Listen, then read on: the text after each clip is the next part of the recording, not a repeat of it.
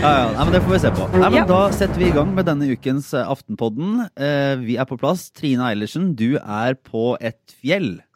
Jeg er på fjellet på hytte vinterferie. Nå, nå høres det ut som jeg er kronisk ferierende, det skjønner jeg. Men, eh, men jeg jobber jo akkurat nå, da, i hvert fall. Ja, Det er godt. det er godt. Og du skal videre på en eh, liten topptur etter hvert, var det så? Ja, vi, bitte, bitte liten. Vi får se litt. Nå kom tåken, så det kan hende vi må utsette til i morgen. Vi får Ja, se. ja, ja. Men uh, uansett, jeg er Lars Glomnes, og ved min side fortsatt Sara Sørheim. Så Hallo! jeg er ekstra glad for å ha deg med her, siden uh, nyheten har gått eh, verden rundt om at uh, du forlater det store Aftenposten-skipet og skal bli nyhetsredaktør i, i NTB. Ja.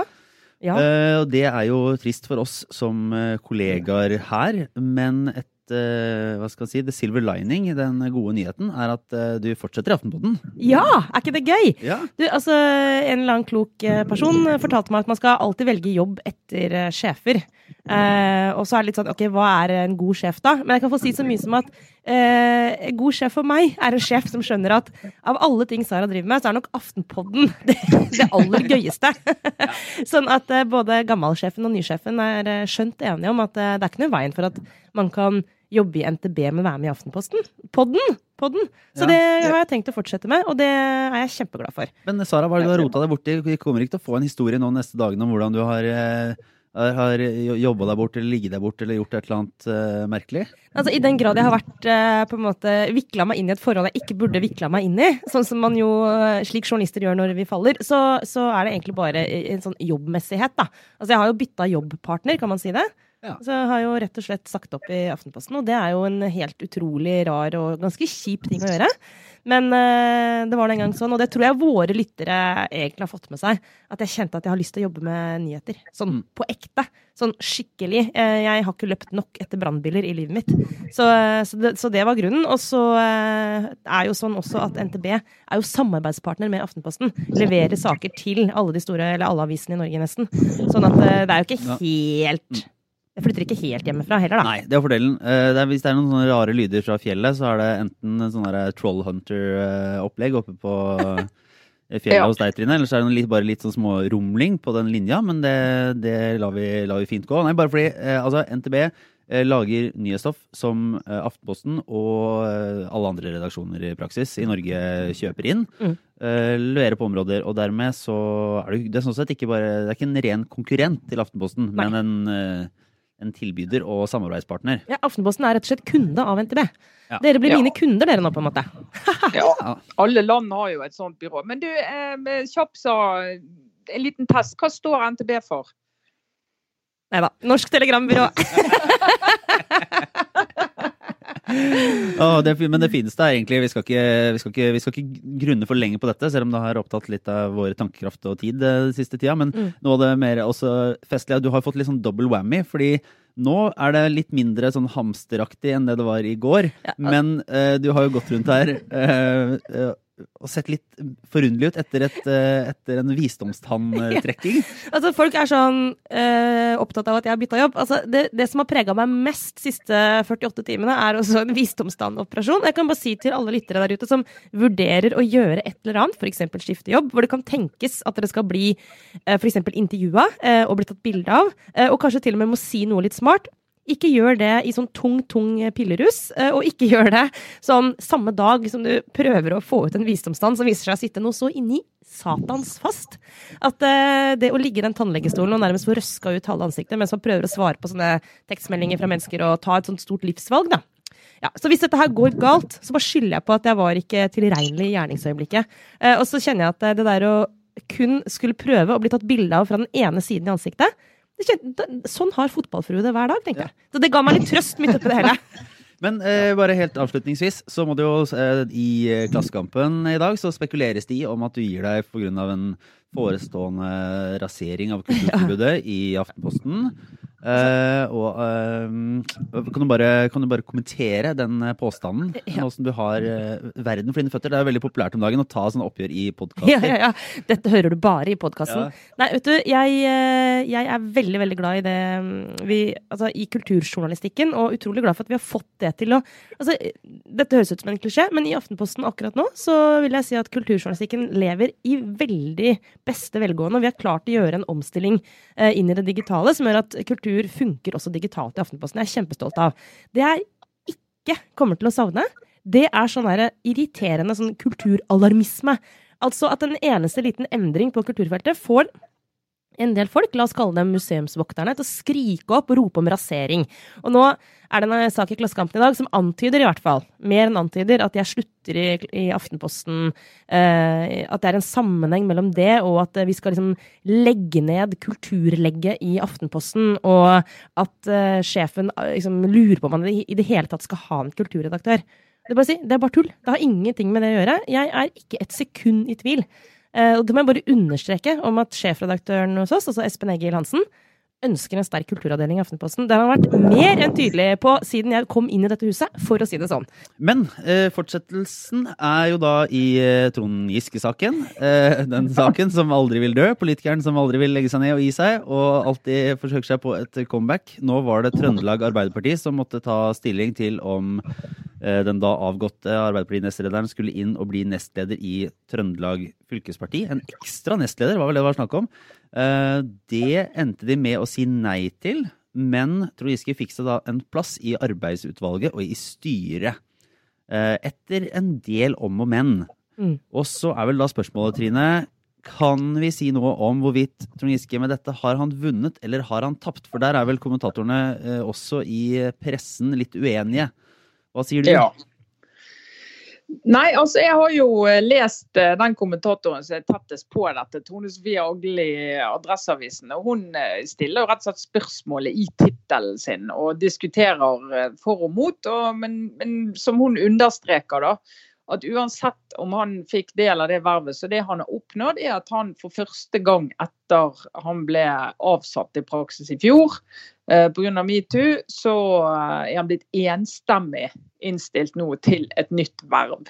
Og Det er et viktig steg fremover for han. Og så er det, er det sånn spekulasjoner om han egentlig trodde at han skulle få dette nestledervervet, eller om egentlig poenget med dette var å, å komme i en situasjon der valgkomiteen måtte, i hvert fall, siden ikke han fikk det, som han da skal, skal visstnok ha flertall i ryggen for å kunne få, så sa de OK, jeg tar det andre vervet, som ikke er så viktig, mot at eh, det blir enstemmig. Og at han da har fått det.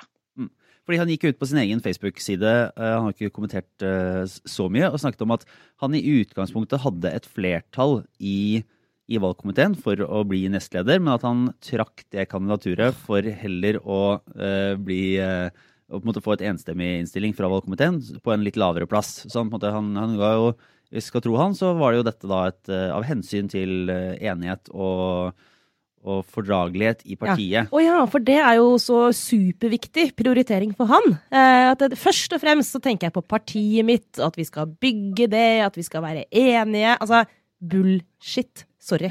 Det er, det men det er helt sånn det han Men, det er jo, tenker- ja. men så har det an på hva del av partiet du mener, da. Jo, Altså, om du mener hele partiet, eller om du mener Trøndelag. ja.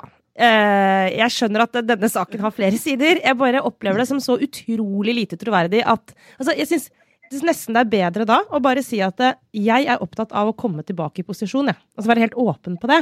Fair enough. Eh, han er jo også helt tydelig på at jeg, altså Giske selv opplever at eh, det er ikke riktig at han skal eh, være utenfor eh, de sentrale kretser i Arbeiderpartiet. Altså, han, er bare, han er bare uenig i denne saken, og det, det må han selvfølgelig få lov til å være og argumentere for. Jeg bare kjenner på en sånn skikkelig irritasjon over eh, det jeg opplever da, er litt sånn eh, tåkelegging av hva som faktisk foregår her. Eh, så jeg kjente at liksom, altså, av alle mennesker syns jeg kanskje han skal Sånn, i offentligheten Jeg, synes, jeg personlig syns ikke det er veldig troverdig at han bruker det med å samle partiet på noe som helst nivå som et argument for det han driver med akkurat for tiden. Da. Jeg må bare si at det ser for meg ut mest som et forsøk på å komme tilbake og få makt. Men, er men det, ja, Nei, altså det som er interessant med den saken, eh, som også Tone Sofie Agle er innom, da, det er at altså, sett fra Oslo-bobla og litt her fra fjellet, så tolker vi alt dette inn i den nasjonale rammen eh, og metoo. Det er liksom det som er bakteppet. Men det er klart i Trøndelag har de sine egne konflikter. Ja. Eh, de, har jo, de, har jo, de har slått sammen to fylkeslag som er veldig forskjellige, Nord- og Sør-Trøndelag. Disse konfliktene kommer veldig tydelig til overflaten. Denne konflikten eh, altså med Arbeiderpartiet i Trondheim, som jo ris av de verste sakene du, så du kan tenke deg at et politisk parti skal gå gjennom på veldig kort tid. På under et år har de hatt noen grusomme saker. Eh, sånn at alt dette ligger der. Og som uh, også Agle skrev i en kommentar, at Giske har fungert som en slags Tito. Altså Jugoslavias gamle leder Tito, som liksom med sin makt og sin posisjon holdt hånden, uh, holdt lokk på alle disse her konfliktene. Og når han da forsvinner i praksis, faller, så bobler alt dette til overflaten. Så der handler det jo mye mer enn akkurat det, da. Som gjør at uh, selv om mange der tenker at det var bagateller hele metoo, så er det andre konflikter som gjør dette vanskelig. Men tror du Jeg har nesten tatt for gitt at de um, uh, forsøkene på å komme tilbake i posisjon i Trøndelag nå fra Trond Giskes side må være et tegn på et, at det er på en måte et skritt på veien til også å komme mer i posisjon nasjonalt. Kan Altså, dette er kanskje spekulasjon, da, men hva tenker du om det? Altså, er det sånn at Kan det faktisk tenkes at han ikke har det med å få tilbake en posisjon nasjonalt som et mål? Det, for det, men han tenker liksom alltid at alt er et skritt på vei til noe annet. Den typen politikere tenker liksom hele tiden mange skritt frem. Da. Ja, altså Vanligvis vil, vil, man jo lese Trond Giske på den måten, fordi at all erfaring tilsier at det er sånn han tenker. Men nå vet ikke jeg hvordan han tenker. Men, men, men, det som jeg syns er interessant, det er jo at ok, nå har det gått ett år siden saken i Arbeiderpartiet. Trond Giske har brukte jo denne her responsen fra partiledelsen på hans 70 sider med kontradiksjon som han sendte i høst, til å markere at nå er det gått et år. Nå vil partiledelsen si at de åpner for at jeg skal være aktiv i alt politisk arbeid. Ingenting står veien for det. Nå har vi satt strek, punktum er satt, nå må vi se fremover. Han har på en måte sagt at nå skjer det. Og så er det det at alle er jo ikke helt enig i det, for å si det forsiktig. Og så eh, tror jeg vi vil se at når det er gått ett år og to år begynner å nærme oss stortingsvalg, blir spennende med den nominasjonen i, i Trøndelag da, til stortingsvalget i 21. Eh, men så, så, begynner det å bli sånn ja, det er noe lenge siden. og sånn, vi, vi, i pressen kommer til å skrive stadig mindre om det, for det er liksom hvor interessant er det å rippe opp i det der om og om igjen. Men det som er spørsmål da, er ute kvinnelige velgere i Norge, Arbeiderparti, potensielle Arbeiderparti-velgere i Norge, hva er det de har for assosiasjon? Mm når de skal gå til stemmeurnen i 2021, hvis han er en sentral kandidat i Arbeiderpartiet? Og hva vil det gjøre for eller mot Arbeiderpartiet? Det tror jeg blir, det blir veldig interessant å se. fordi Det er også noe med hvordan man liksom ser på hele dette sakskomplekset. Jeg ser enkelte argumentere for at sånn, sånn har det vært egentlig fra starten av, at nå har Giske sonet, liksom. Han, nå har han stått i stormen, og nå har han tatt straffen sin. Som om metoo handler om, og som om metoo i politikken særlig, er en slags sånn et slags rettsoppgjør, eller at du kan på en måte få en tilmålt straff. da. At ok, det du har gjort, det tilsvarer ett og et halvt år ute. Det du har gjort, tilsvarer to år. Litt sånn dopingaktig. Litt sånn nei, du er utestengt av verdenscupen i to ja, sesonger. Hvis det bare var en liten sånn nei, du har brukt feil leppepomade, ja. uh, og du mente det sikkert ikke, så får du på ingen egentlig moralsk fordømmelse, men du må vente litt. Ja, ikke sant? Og det mener jeg er en helt utrolig feil tilnærming til hele, denne, hele, dette sakskomplekset. Nå mener jeg ikke bare det som er nå, altså jeg mente ikke bare i eh, Grunt Giske-saken, men, men, sånn generelt at um, en, et parti og et tillitsverv er noe helt annet enn en Det er ikke en sånn teknisk ting. Det handler om å miste tillit. Uh, og særlig i politikken, når du skal velges, uh, så er det ikke sånn at uh, at uh, tillit er noe som kommer tilbake etter et x antall måneder. Og det mener jeg er en helt sånn, uh, det, det, blir en helt feil måte å diskutere dette på. Uh, men, men, men ja. samtidig da, så er det, jo, det er jo ikke vi som bestemmer det. Altså I Trøndelag, hvis de har tillit til Giske, og han opparbeider seg ny tillit der, så, kan, så må jo de få lov å velge han inn. Ja. Og så er litt sånn spørsmålet for partiet nasjonalt. Og i Trøndelag er de veldig mange veldig fornøyd med Giske som politiker. Og det er det jo gode grunner til, fordi han er en rasende flink politiker. Eh, og jeg mener han har gitt, eh, gitt, tilbake det han skulle gi som representant for, eh, for landsdelen. Men så er det jo litt for partiet nasjonalt. Hvordan vil det at han får tillit der, påvirke partiet nasjonalt, hvis han ikke har opparbeidet tillit og han ikke er så kjent i andre fylker og har jobbet for de på den måten som de opplever i Trøndelag. Mm. Og det, Den tilliten han må jo gå den veien nå. For det er jo ingenting av dette du bare får i posten. sant? Men er det en oppfatning om at, at Jonas Gahr Støre kunne eller burde gjort dette på noen annen måte? Han har jo nå sagt øh, jo egentlig det samme som, som du sier nå, Trine, at øh, Trøndelag må ta sitt valg. Øh, de understreka, uansett om det kan regnes som en seier eller en avvisning av, av Trond Giskes innspill i dette brevet for to uker siden, at det er ingenting som står i veien for din fulle deltakelse i partiet. Det er jo full deltakelse, stille til valg, få posisjoner, gjennomføre politikk få makt. Det er dette de driver med. Det, det, er vel ingen som egentlig skulle holde på med det for ikke å ha den innflytelsen. Eh, så mm, kunne eller burde Støre vært tydeligere på at eh, han skulle holde seg unna, eller eh, backe ned litt, vente? Er det mulig? Jeg tror, eh, altså Hvis du ser på forholdet mellom uh, Trøndelag, eller i hvert fall Sør-Trøndelag Arbeiderparti og Oslo Arbeiderparti, der Støre kommer fra, og det som han assosieres med, så tror jeg det ville gjort alt mye verre og vanskeligere hvis han skulle gå opp med den tunge labben og si at uh, her, her, må dere dere må velge noe annet, dere må tenke annerledes. Jeg tror jeg ville blitt tatt veldig godt imot. Det hadde lekket ut i løpet av 90 sekunder. hadde blitt en forferdelig sak for dem. Så jeg tror altså Den balansen for partiledelsen sentralt for å finne liksom en fornuftig vei i det her, og tenke at dette på et eller annet nivå løser seg sjøl. Fordi at sånn, tillit det er ikke noe du kan bestille eller kreve eller uh, si at nå er det min tur. Det, mm. det må du opparbeide deg, da. Men det er uansett uh, veldig tydelig at dette fortsatt er et særs splitta parti. Noe annet er jo umulig å Altså, det, det, mm, det, ser så veldig, veldig annerledes ut fra hvilken kant uh, du ser det fra. Og jeg kan få sånn jeg, jeg tror at fordi for, hvis du ser det fra Oslo, da, eller ser det fra den, den uh, kanten som har, vært, som har, ønsket Giske ut, så er det liksom helt svart-hvitt. Og jeg får følelsen av Trine, at hvis du ser det fra visse områder i Trøndelag, så er det også ganske svart-hvitt. Uh, og at de to delene, eller fraksjonene, hva jeg skal kalle det for noe i partiet, noen, altså, at de skal kunne møtes igjen og være vel forlikte, det kan jeg ikke se at kommer til å skje. Uh, på, del, på en god stund. En del terapi der, ja. Men eh, vi skal egentlig fortsette til den, eh, sto, si, den andre store saken. Kanskje enda litt større, egentlig. Eh, den, eh, Ingenting er større enn dette, Lars. Nei, nei, nei, det er vanskelig å se for seg at noe kan være større enn de indre stridighetene i, i, det kongelige norske Arbeiderparti. Men, eh, men, det er jo denne gruvesaken i Finnmark og Repparfjorden. Mm. Og der har jo altså spørsmålet om vi skal begynne å utvinne kobber i, eh, i dette, hva er det dette? Nusserfjellet? Nei, altså Ikke spør meg! Ja. Selskapet heter vel det. Ja. Og, og dermed så kaller noen opp fjellet etter det. I hvert fall noen her. Men altså, de vil utvinne kobber. Eh, det er verdifullt eh, materiale og brukes bl.a. til mye miljøvennlig Altså batterier og sånne ting som, som trengs i, i en, en, måte, en, en grønnere fremtid. Men det er vondt og vanskelig å skulle legge det akkurat der.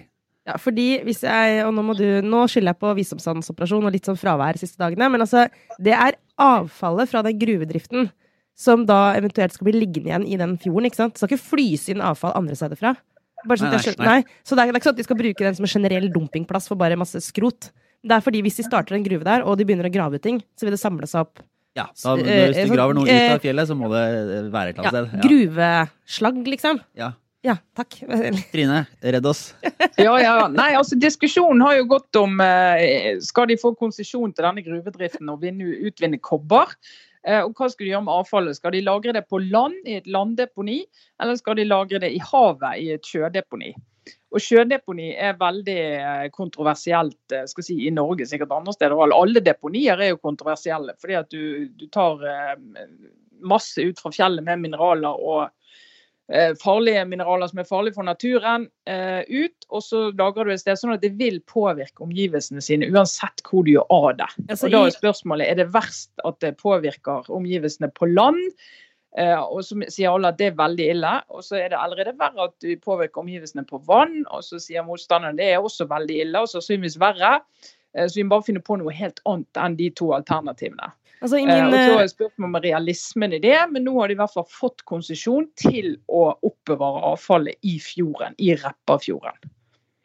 Da jeg vokste opp på det utrolig liksom, miljøversting-tiåret 80-tallet, så var jo fjorddeponi betydde bare å helle ting ut i vannet. Og så bare ble det borte fordi det gikk under vann. Og så, og så på Hvaler, der jeg hadde sommerhytte, så var det jo litt sånn at det var ikke fisk i fjorden, fordi fjorden var liksom asfaltert. Bare, altså jeg tror helt seriøst det var veldig vanlig å bare dumpe ting ut i vannet. Det er vel ikke helt tilfellet. Altså et, et havdeponi, det betyr at det er en eller annen form for Altså, de, de, de bare De gjør noe med altså, De legger det ikke bare ut i vannet, Trine. Som Nei, altså, de, ja. alt, det har jo skjedd mye på dette området òg. Altså, det er jo eh, denne Titania, som kanskje men noen husker fra 80-tallet. Ja. Eh, da det var stor sånn fjord, eh, diskusjon om fjorddeponi og landdeponi den gangen. Da var det jo altså, Hvem er det som jo husker det? Hæ? Hvem er det som husker det? Her på 80-tallet? ja, nei, men Nå er fordelen med å være gamle røyen i forsamlingen. Herregud, vi kan ha glemt den store fjord versus landdeponi-debatten på 80-tallet, Lars. Ja, ja, ja. Nei, altså, jeg var, ikke, jeg var ikke en del av det, men jeg husker jo veldig godt Fredrik Hauge. Det var jo hans hva skal jeg si, gjennombruddsår når han hang i stolper og lenket seg fast overalt. og var sånn ung eh, kjekkas med lyse krøller og var all over the place og nektet å gå fra statsrådens kontor før han hadde fått viljen sin og sånn. En veldig effektiv eh, miljøforkjemper. Men det var den diskusjonen, og så er det jo eh, Den gangen var det at landdeponi var helt sikkert bedre enn sjødeponi. Men i dag er jo det er ingen som er enig i at det er sånn. At du liksom kan bare ha det på land, og så får det ikke så store konsekvenser som du får på vann. Det får konsekvenser uansett, og spørsmålet er hvordan skal du begrense det, og hva er best. Det er i hvert fall en god del av forskerne sier det er tross alt bedre å ha det hvis valget står mellom å ha det på land der oppe og ha det i vann, så er det bedre å ha det i vann. Eh, det er jo reindrift der oppe, det er jo en viktig problemstilling eh, som de må, ta hensyn til. Eh, sånn at de legger ned driften i en periode pga. kalving. Og noen sier hvis du skulle hatt et landdeponi der, så ville du ødelagt store områder også som, som reinen trenger. Eh, sånn at i dette tilfellet, hvis du først skal si ja, så må du gå for sjødeponi, har vært argumentasjonen. da. Men det som er interessant, for dette er jo en sånn skikkelig klassisk kranglesak. Det er jo eh, Altså Miljøvernbevegelsen er jo splittet her. sant? Det er jo Bellona nå, samme Fredrik Hauge. Ja. Han sier at eh, nei, sjødeponi er bedre. Vi, vi må gå for sjødeponi, pluss at vi trenger jo den kobberen som vi får ut av disse gruvene. For verden mangler kobber, kommer til å trenge mye mer kobber. Og vi kan jo ikke ha det sånn at all kobberen vi skal utvinne skal være i land som ikke har sterke si, miljøbevegelser og partier og eh, mot, eh, motstandere mot den type deponier. Sånn at de får det uansett. Eh, mens vi som skal bruke denne kobberen, vi skal, vi skal slippe å ta den belastningen det er med å vinne det ut. da. Mm. Og så er det andre deler, selv Naturvernforbundet, som har gått veldig hardt eh, ut og oppfordret til lenking og det hele. Og ønsker en helt annen løsning. Så han flytter masse. Og så enkelte som mener at det er relativt urealistisk, den løsningen. Men det er nå en del av diskusjonen. Mm. Men det er interessant, for det er Venstre, regjeringspartiet. Ja, for de har det ikke helt lett. Det De er aldri helt lett, da. Men det, det er, eh, Nok en gang en litt vanskelig sak for Venstre. Ja, fordi, bare skyte inn der, det, altså, det å se Trine Skei Grande liksom nesten omfavne eh, sånne unge Natur og Ungdom-demonstranter på eh, Slottsplassen, som da demonstrerer mot denne gruvedriften, og være sånn 'Jeg heier på dere!' Eh, Men det de demonstrerer mot, er den regjeringen hun selv sitter i. Det er sånn nok eh, et eksempel i rekka eh, i, i politikken for tiden, hvor du er sånn hva, jeg, jeg skjønner ikke hvem du representerer! Bare, hva, altså, og så prøver jo hun å forklare at Venstre altså, det er lov å være uenig i regjeringens politikk, selv om du må forsvare den politikken. Så det er ikke det at det er altså, jeg, jeg skjønner det, men det bare virker jo veldig veldig rart. Nok en gang tenker jeg det virker også litt sånn um, hva skal jeg si? Eh, jeg frykter at det kan virke litt sånn undergravende, eller på en eller annen måte kanskje øke litt politikerforakten. At, at det bare konsekvent sier to ting. Det blir, altså, det blir helt sprø av, men, men, uansett. men, Ja. men samtidig også, tror jeg du som politiker må jo være helt ærlig på de sakene du har tapt i regjering. Ja, altså, hun kan ikke late som om hun er for dette nå, når hun har sagt uh, rett før hun gikk i regjering at vi skal aldri, aldri, aldri gi oss på denne saken. Vi skal ikke ha fjorddeponi. Altså, liksom, det er virkelig en sånn kampsak. Og så kommer Venstre i regjering. og så Det Venstre har rett i, det er at denne beslutningen altså, eh, ble i praksis tatt før de kom i regjering. Så når de kom inn, så har de fått noen formuleringer om at nye fjorddeponi skal vurderes sånn og sånn, men denne saken har de holdt på med i ti år. Altså det, det, det er ikke en ny sak, denne behandlingen. mm. Så den kommer eh, med støtte da fra Arbeiderpartiet og Frp. eh, Og arbeidsplassargumentet, ikke minst, eh, for, for dette stedet. Og som ofte i Norge, nye arbeidsplasser har konsekvenser i form av naturinngrep.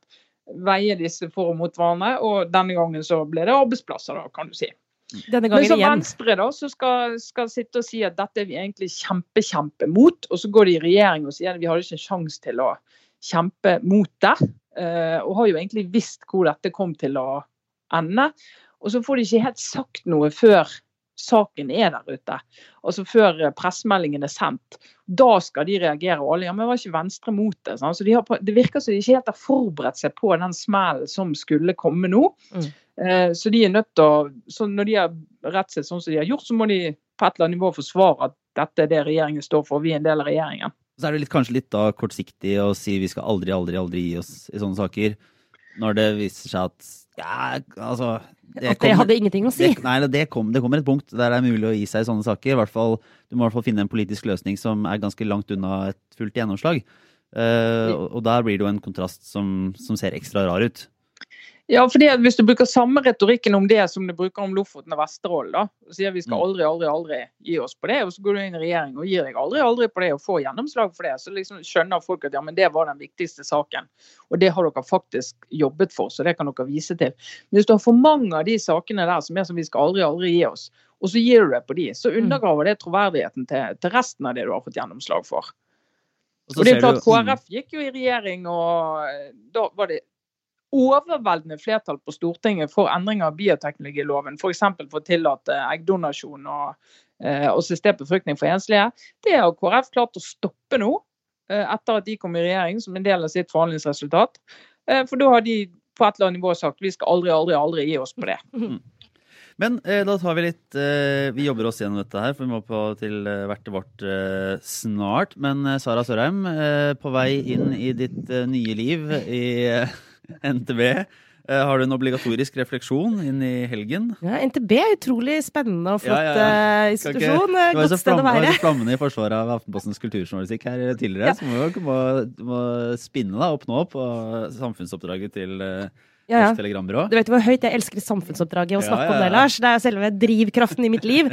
Nei, du, vet du hva, jeg skal og, hva, ja, ok, Bare en kjapp digresjon. Når man gjør sånne intervjuer når man begynner i ny jobb Herregud, så vanskelig det er å unngå de der forferdelige klisjeene.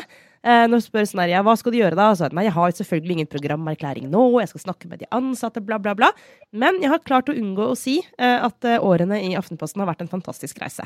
Og det ønsker jeg bare egentlig å få litt sånn eh, takknemlighet eh, skyldende over meg for. Eh, Jeg tror jeg er den første lederen som bytter jobb i Norge de siste fem årene, som ikke har sagt det. Ja, det- Jeg krever nesten å få en pris. Ja. For en mediepris på, på mediedagene for Det- klisjéunngåelse. Ja, det mener jeg. De, det er så mange mediepriser at vi, noen må opprette medieprisen til, eh, til meg, faktisk. For å ikke ha sagt det med reise. Men jeg skulle snakke om noe helt annet nå. og Jeg skal ikke snakke lenge om det, for det, det kan jeg heller ikke. Fordi jeg har ikke rukket å, å lese meg opp nok. Men folkens, britisk politikk. Det er jo alltid spennende. Denne uka her så har det skjedd eh, en splittelse i Labour, og nå i går viste seg at eh, den også går inn i det konservative partiet. Eh, hvor det nå er elleve representanter i, i parlamentet som har meldt seg ut av henholdsvis Labour i protest mot Corbyn og eh, de konservative i protest, i protest mot disse hard brexit-folka. for å finne et slags alternativ i sentrum. Ja, for eksempel noe sånn Se litt for dere en slags politikk som kanskje Tony Blair kunne tenkt seg hvis du tenker at du har to veier, og så har du en En tredje. ja, tredje vei, da. Som kan En såkalt tredje vei. Ja. Eller bare sånn De voksne i eh, det britiske parlamentet har endelig bestemt seg for å, å bli venner og prøve å, å redde Storbritannia fra undergangen. Uh, og det er veldig, veldig spennende. Nå er de like store, de uavhengige, uh, som, som hele gruppa til Lib Dem, faktisk, i parlamentet. Så det begynner å bli et, et ganske sånn relevant tall. Men, men det å bryte ut og utfordre det topartisystemet anses jo, Trine, for å være liksom helt umulig, særlig pga. First Past the Post-valgsystemet, og, og, og ikke minst liksom, historien, som viser at sånne utbrytere har vært det i Labour tidligere. Det har aldri, liksom, det har aldri lyktes, da. Så- de lever ikke lenge. de gjør jo ikke det, og det er jo ingen som egentlig tror at dette skal eh, leve lenge heller. Men, men så er det jo heller ingen som trodde at politikk skulle være sånn som politikk er nå. Eh, og dette her har jo sitt utspring i brexit, og brexit er en helt ko-ko, eh, syk ting som bare jeg ennå ikke klarer å ta inn over meg at ah, har skjedd i virkeligheten. Altså ikke selve brexit, da, men at Ja, dere vet.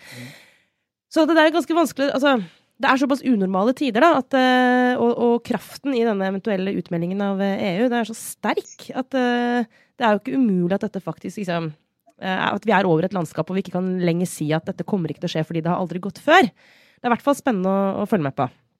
Eh, og vi, ja. Nei, det er bare å si at det å se på Storbritannia og britisk politikk nå, det er som å se sånn krakelering live. Ja. Som er det, det, det er vondt å se på. Så er det, vel, det er litt sånn å se på de som har, har meldt seg ut av Labour. Tidligere så har det vel oftere vært litt sånn perifere karakterer og, og det som ses på som ja, litt sånn særinger. Eh, husker han George Galloway, han eh, sosialisten fra Skottland? Ja. Som var sånn eh, Han var litt sånn halvpro Saddam Hussein. Han var litt sånn det var, Nå skal ikke ta alt på husken på hans sånn eh, loony left eh, credentials, men eh, det var i hvert fall det er de, liksom, de særere som finner ut at de skal starte et nytt parti. Sånn er det jo ofte. Ja. Eh, men her er det jo også ganske sentrale Labour-politikere som Ja, ja. har gått ut. Ikke sant? Så at det er jo ikke Altså, det er sånn skaller ikke av Det skaller ikke. Nettopp, Mhm. akkurat det. Altså, mm, ellers så er det jo nettopp det at det er en fløy som faller av. Dette er jo, dette er jo kjerne. Veldig mange av de er veldig, veldig sentrale. Uh, ja, og jeg vet at det er sikkert mange syns at jeg er nedlatende jeg snakker om at det er de voksne, men jeg, men jeg mener helt alvorlig. Dette er jo folk som også ser at den politikken Labour nå driver i opposisjon, eh, er jo sannsynligvis ikke veldig valgbar. eh, og at Corbyn gjør det så dårlig på meningsmålingene i Storbritannia, når statsministeren er liksom helt sinnssykt upopulær, også i eget parti, blant egne velgere, så er det ganske vanvittig at ikke Labour klarer å, å, å, å liksom, gjøre det bedre på, på de målingene. Og det er jo en helt sånn logisk slutning at de har feil partileder eh, og feil politikk. og det har disse menneskene skjønt. ja, nå, Logisk for meg. Men, men jeg skal bare si til eh, våre kjære lyttere at eh, det er en nettside som heter britiskpolitikk.no. Som er startet av, eh, av noen eh, gründere, rett og slett, eh, som er ganske god. Og som jeg kan anbefale å gå inn på hvis dere vil ha en oppdatering. De har mange gode saker ute nå om eh, akkurat det vi snakker om nå. Og de har en Facebook-side. Så det er litt sånn, det er litt sånn kule frilansjournalister som prøver å bygge opp et, et nettsted med, med god informasjon. Så den kan jeg anbefale. Skal vi se, eh, Jeg kan eh, dra min lille refleksjon eh, her, fordi jeg har gjort eh, to rare sosiale medier-ting eh, siste uka. En er at jeg klarte å eh, rote meg inn i et litt sånn veldig ekte, men litt sånn emo-Twitter. Eh, som er litt på siden av min vanlige sosiale medier-konsumsjon. Så nå har plutselig den dumme algoritmen til Twitter begynt å pushe meg helt eh, feil og rare ting hver dag. Noe som viser at fremtiden kanskje ikke er uh, kunstig intelligens likevel. Altså bare for å det, det som har skjedd med deg nå, Lars, som jeg tror kommer til å bli det kommer til å bli et sånn reelt problem for mange av oss, det er når algoritmen bommer på deg. Ja. Uh, For nå er det litt sånn at hvis man kommer i skade for Og dette er jeg alvorlig bekymret for. at det er jo ingen som forteller hva de egentlig gjør på internett, sant? Men algoritmen ser det. Så det, det blir jo helt sjukt hvis hvis en algoritme ut fra mitt nettbruk skal tilby meg saker som tror jeg er interessert i. Jeg vil ikke ha sånne saker som jeg vil ha. Jeg vil ha sånne saker som jeg skulle ønske at jeg ville ha. Skjønner du? Mm. Så når du havner i sånn algoritmefeil, sånn som du har gjort på Twitter nå, fordi du har vært litt nysgjerrig på noen Twitter-kontoer du burde holdt deg langt unna, Lars, langt, langt unna, da er det sånn Hvordan kommer man seg tilbake? Altså, hvordan, hva, hva gjør man da? Er man lost in the wilderness for alltid? Jeg må bare legge ned. Men det var egentlig bare en, en på siden, fordi jeg har også klart å rote meg inn i en fascinerende, merkelig sak. Eh, som handler altså en diskusjon online fra strikkemiljøet. Og eh, Det, visste ikke jeg at det fantes et strikkemiljø, men det gjør det tydeligvis. nei, altså det, det her, her må jeg holde tunga rett i munnen, for det, det er veldig betent, den situasjonen her. Men det er, altså, det er et online strikkemiljø, for det er veldig veldig mange mennesker over hele verden som engasjerer seg i strikking. Lager fine ting, eh, kunsthåndverk, håndverk. Eh, kjempebra. Legger ut bilder, diskuterer på Instagram, har nettsider og alt mulig rart. Eh, men så har det seg sånn at de da i, i løpet av de siste månedene egentlig har tatt et sikkert på tide oppgjør med at den digitale strikkeverden har vært veldig hvit. Altså den har vært veldig sånn eh, Nei, kødder du nå? den har vært veldig konsentrert om et sånn uh, europeisk og nordamerikansk uh, Et utsyn. uh, kaukasisk strikkeideal? Ja, ikke sant? Så, så de har jo, det, og det har, nok, det har nok vært et nødvendig oppgjør også tilsynelatende mye egentlig sånn rasisme i strikke og Altså hvem skulle tro at folk som var sånn glad i strikk og ull, eh, var så fordomsfulle? Så dette har de eh, begynt å ta tak i, sånn som alle bransjer og alle, måte, alle miljøer bør se på seg selv innimellom og skjønne ok, har vi kommer snart bare et metoo-opprør også, da, i strikkemiljøet. ja, det er foreløpig litt uklart om det er et, en, stor, en jevn nok kjønnsbalanse til at det gir seg utslag, men det skal jeg ikke avvise. Eh, Men det er i hvert fall De finner ut at ok, vi har på en måte bare anerkjent egentlig vestlig strikketradisjon, og vi har bare hatt bilder av uh, modeller og strikktyper som er på en måte klassisk sånn hvite.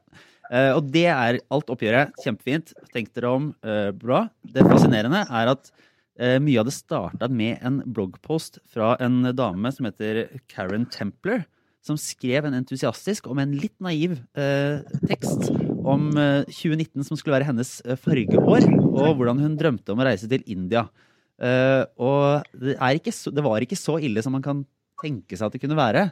Eh, Men hun snakker liksom at India da, hun har alltid drømt om det, og det er så virkelig så annerledes og så fint, og, men likevel var det fjernt som å reise til Mars. Og dette, da er det noen da, i internettforflatningens tid, der du ikke kan ta et oppgjør med rasisme i en butikk, tilsynelatende uten å ta et oppgjør med potensielt unøyaktig språkbruk.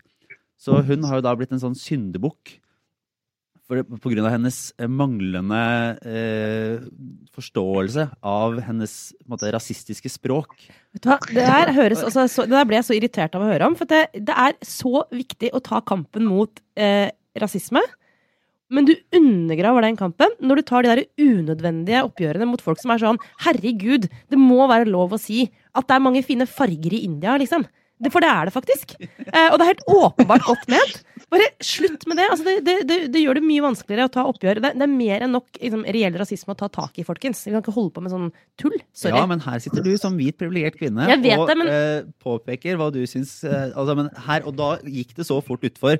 Og jeg, jeg skal ikke vade mer inn i dette her. Og det var tydeligvis det fortsatte med flere debatter, og noen som var litt ufølsomme, og, og alt mulig rart. Men det er bare jeg, jeg har lagt ut den eh, teksten som, Jeg som merker at du, Lars, du er for redd for å si noe feil. Ja, ja, ja. Ja. Jeg har fått korreks på sosiale medier for en tekst jeg allerede la ut på Facebook-sida vår, eh, som, som der teksten anklages for å være veldig partisk. Men, men det er et fascinerende tidsbilde, uansett. Det var egentlig det som var, var viktig. Og eh, plutselig så roter man seg inn på sånne Reddit-tråder om, eh, om det som skjer eh, på sosiale medier. Men eh, du da, Trine? Hva driver du med på fjellet?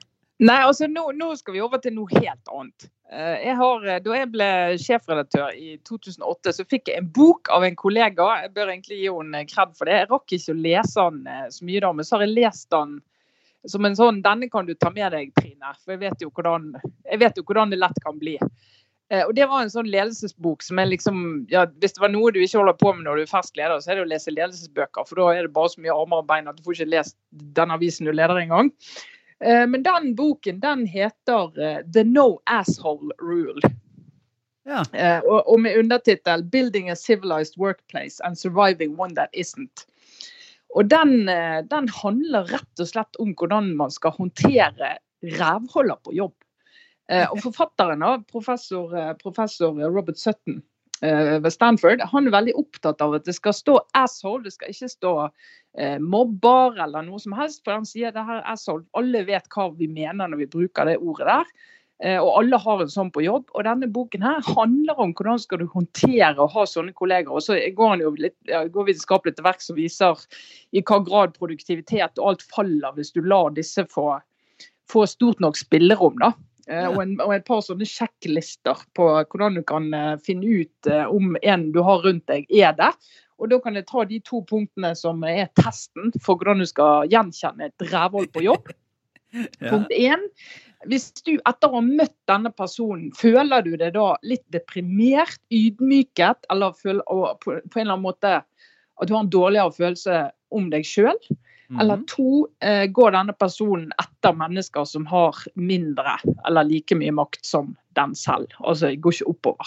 Mm. Da har du en sånn som må håndteres, og her er det en del sånn triks og råd om, eh, om hvordan du kan gjøre det, og hvordan du kan gå rundt det, og hvordan du kan ta tak i det. Det er faktisk ganske nyttig, for eh, min påstand er at nesten alle arbeidsplasser har Ja. Et Men kan jeg, kan jeg bare spørre, nå har Sara måttet løpe til en eh, avtale her, så da sitter jeg igjen med alle, de, alle spørsmålene. Men det jeg bare lurer på, er det noen av de bøkene, eller, for det var en amerikaner ikke sant, ved Stanford. Mm. Er det Mm. Der i USA, på godt og vondt, så er jo løsningen ofte at man kan sparke folk eh, rett ut av en eh, arbeidsplass eh, uten noe som helst eh, egentlig forvarsel, og bare si ifra at du er et asshole, eh, slutt her. Eh, Ja, det, er jo, det er jo ikke så lett i Norge. Er det, er det på en måte, hvor overførbart er det? Ja, nei, jeg tror Han går ikke så mye sånn sparking til verks. Det er mer sånn hvordan han uh, altså orientere seg og, og flytte seg rundt i et miljø der sånne personer har uh, en del makt. Eh, og det er sånn mekanismer og verktøy som du kan bruke. da. Så det er egentlig ikke sånn gi de sparken, gi de sparken. Men hvis de er på veldig høyt nivå, da er jo liksom hans råd at hvis du er en veldig altså premissleverandør i organisasjonen og har de personlighetstrekkene, så må, bare, må de bare ut. For de ødelegger for resultatene og produktiviteten i bedriften. Så en sånn toppleder, og sånn er det i Norge òg, toppledere har med god grunn eh, mye svakere ansattvern enn eh, andre arbeidstakere. Og hvis du har de trekkene, så er det ikke noe å lure på, for folk forandrer seg ikke egentlig hvis de har det. Det er jo litt eh, bare en, en uh, moderne eller en helt aktuell uh, problemstilling. Hun, nye, altså en av de nå 20 eller hva det er for noe, demokratiske presidentkandidatene for, for 2020-valget, hun Amy Klobuchar, som ses på, mm. på den moderat kandidat fra Midtvesten. Hun lanserte jo sitt kandidatur, men det ble jo litt sånn eh, Og, og egentlig en, eh, regnes som en ganske sterk kandidat, fordi hun er demokrat som har lyktes i en republikansk stat og fått til mye. Men hennes eh, lansering ble jo litt sånn eh, plaget av at det kom fram historier om hvordan hun behandla de ansatte. Altså hun rett og slett var en sånn, var en asshole-sjef, da. Ja. Eh, og jeg hørte en, faktisk en, en god, et godt segment på Pod Save America her som jeg vel også delte på, på Facebook-sida, eh, der de egentlig erkjenner at det har gått historier om at hun er en dårlig sjef og en slem sjef i årevis. Og sånn er det. at man, altså Noen politikere er flinke med staben sin, andre er dårlige. Hun har vært kjent lenge som å være veldig vanskelig og vond. Og ja. det um, I Norge så framstår det som litt vanskelig å se at det kan fungere uh, som kandidat. At, at, ikke det skal være et, et hinder. Ja. Ja, jeg, jeg, tror jo eh, altså Det som både innenfor politikken og næringslivet og andre steder, det som på et tidspunkt blir spørsmålet er hvor mye skal resten av organisasjonen drive med kompenserende tiltak for at en stjerne eller en veldig viktig person i utgangspunktet skal få lov å agere sånn mot andre. For det har jo en pris. Dette er jo ikke gratis på noe nivå, verken politisk eller økonomisk. Og da, Hvis du da skal være kandidat og du ikke kan oppføre deg ordentlig mot folk og ikke klarer å behandle staben din ordentlig og få de til å ville yte altså med en annen drivkraft enn at de er redd for din reaksjon, så, så er det jo etter mine begreper så er du ikke riktig kandidat. Altså Du er ikke riktig leder, du er ikke riktig person. Nå må du rett og slett enten eh, ta en lang spasertur i deg sjøl og endre atferd hvis det er mulig, eller gjøre noe annet. Har du et eh, Eilertsensk råd for hvordan eh, man skal håndtere rævhull på, på jobb? da? Nei, altså Jeg har jo vært borti disse både, som, eh, både fordi jeg har måttet gått inn og ta tak i folk som har oppført seg sånn mot kollegaer. Og det er egentlig, Hvis du er leder og skal gå inn i den type ting, så handler det om å i hvert fall forsøksvis prøve å få folk til å forstå hva effekt de har på andre. Og Hvis du opplever det sjøl, så er i hvert fall min erfaring, for jeg har også stått der og så tror mange har opplevd at noen har kommet med en kommentar, og du har følt deg enten eh, at de gjør deg liten, eller du føler deg ydmyket, eller du, du mister litt selvtillit. Og du tenker hva var det som skjedde der? Og Da er regelen ikke, ikke gå og tenk er det meg det er noe i veien med. Ikke gå og tenk det. Gå og spør. Gå rett og slett til en kollega. Legg ut situasjonen og si hvordan vil du oppfattet dette. Er det jeg som overreagerer, eller var dette rart? Og så må du rett og slett eh, på en eller annen måte få ta tak i det. Med, enten ved hjelp eller ved, ved, hvis du er sterk nok til det, ta det sjøl. Jepp. Nei, men da, Trine, tror jeg nå eh, at vi lar deg slippe ut på fjellet. Og så skal ja. Eh, vi slippe ut i arbeidsdagen, for nå er det torsdag morgen, sånn vår tid. Men da er vi forsøksvis tilbake neste uke. Da er jeg i Beirut. Så ja. da får vi se om det går an å få ringt inn, men det tror jeg skal være mulig. Det ser vi noe på, i hvert fall. Så takk for at du tok deg tid, Trine. Sara har løpt av gårde til en viktig avtale, fortsatt i Aftenposten, men etter hvert i NTB. Eh, og så takker vi for oss. Det var Trine Eilertsen, Sara Sørheim og jeg, Lars Glomnes. Ha det bra. Ha det. Til slutt så vil jeg bare annonsere at det eh, fortsatt er noen billetter igjen til vår livesending i Trondheim 24.4. Eh, der er også Sara, tross ny jobb. Eh, så det går det an å få billetter til på aftenpodden.no eller via Samfunnet i Trondheim. Altså 24.4. Eh, alle er velkomne. Det er fortsatt noen billetter igjen.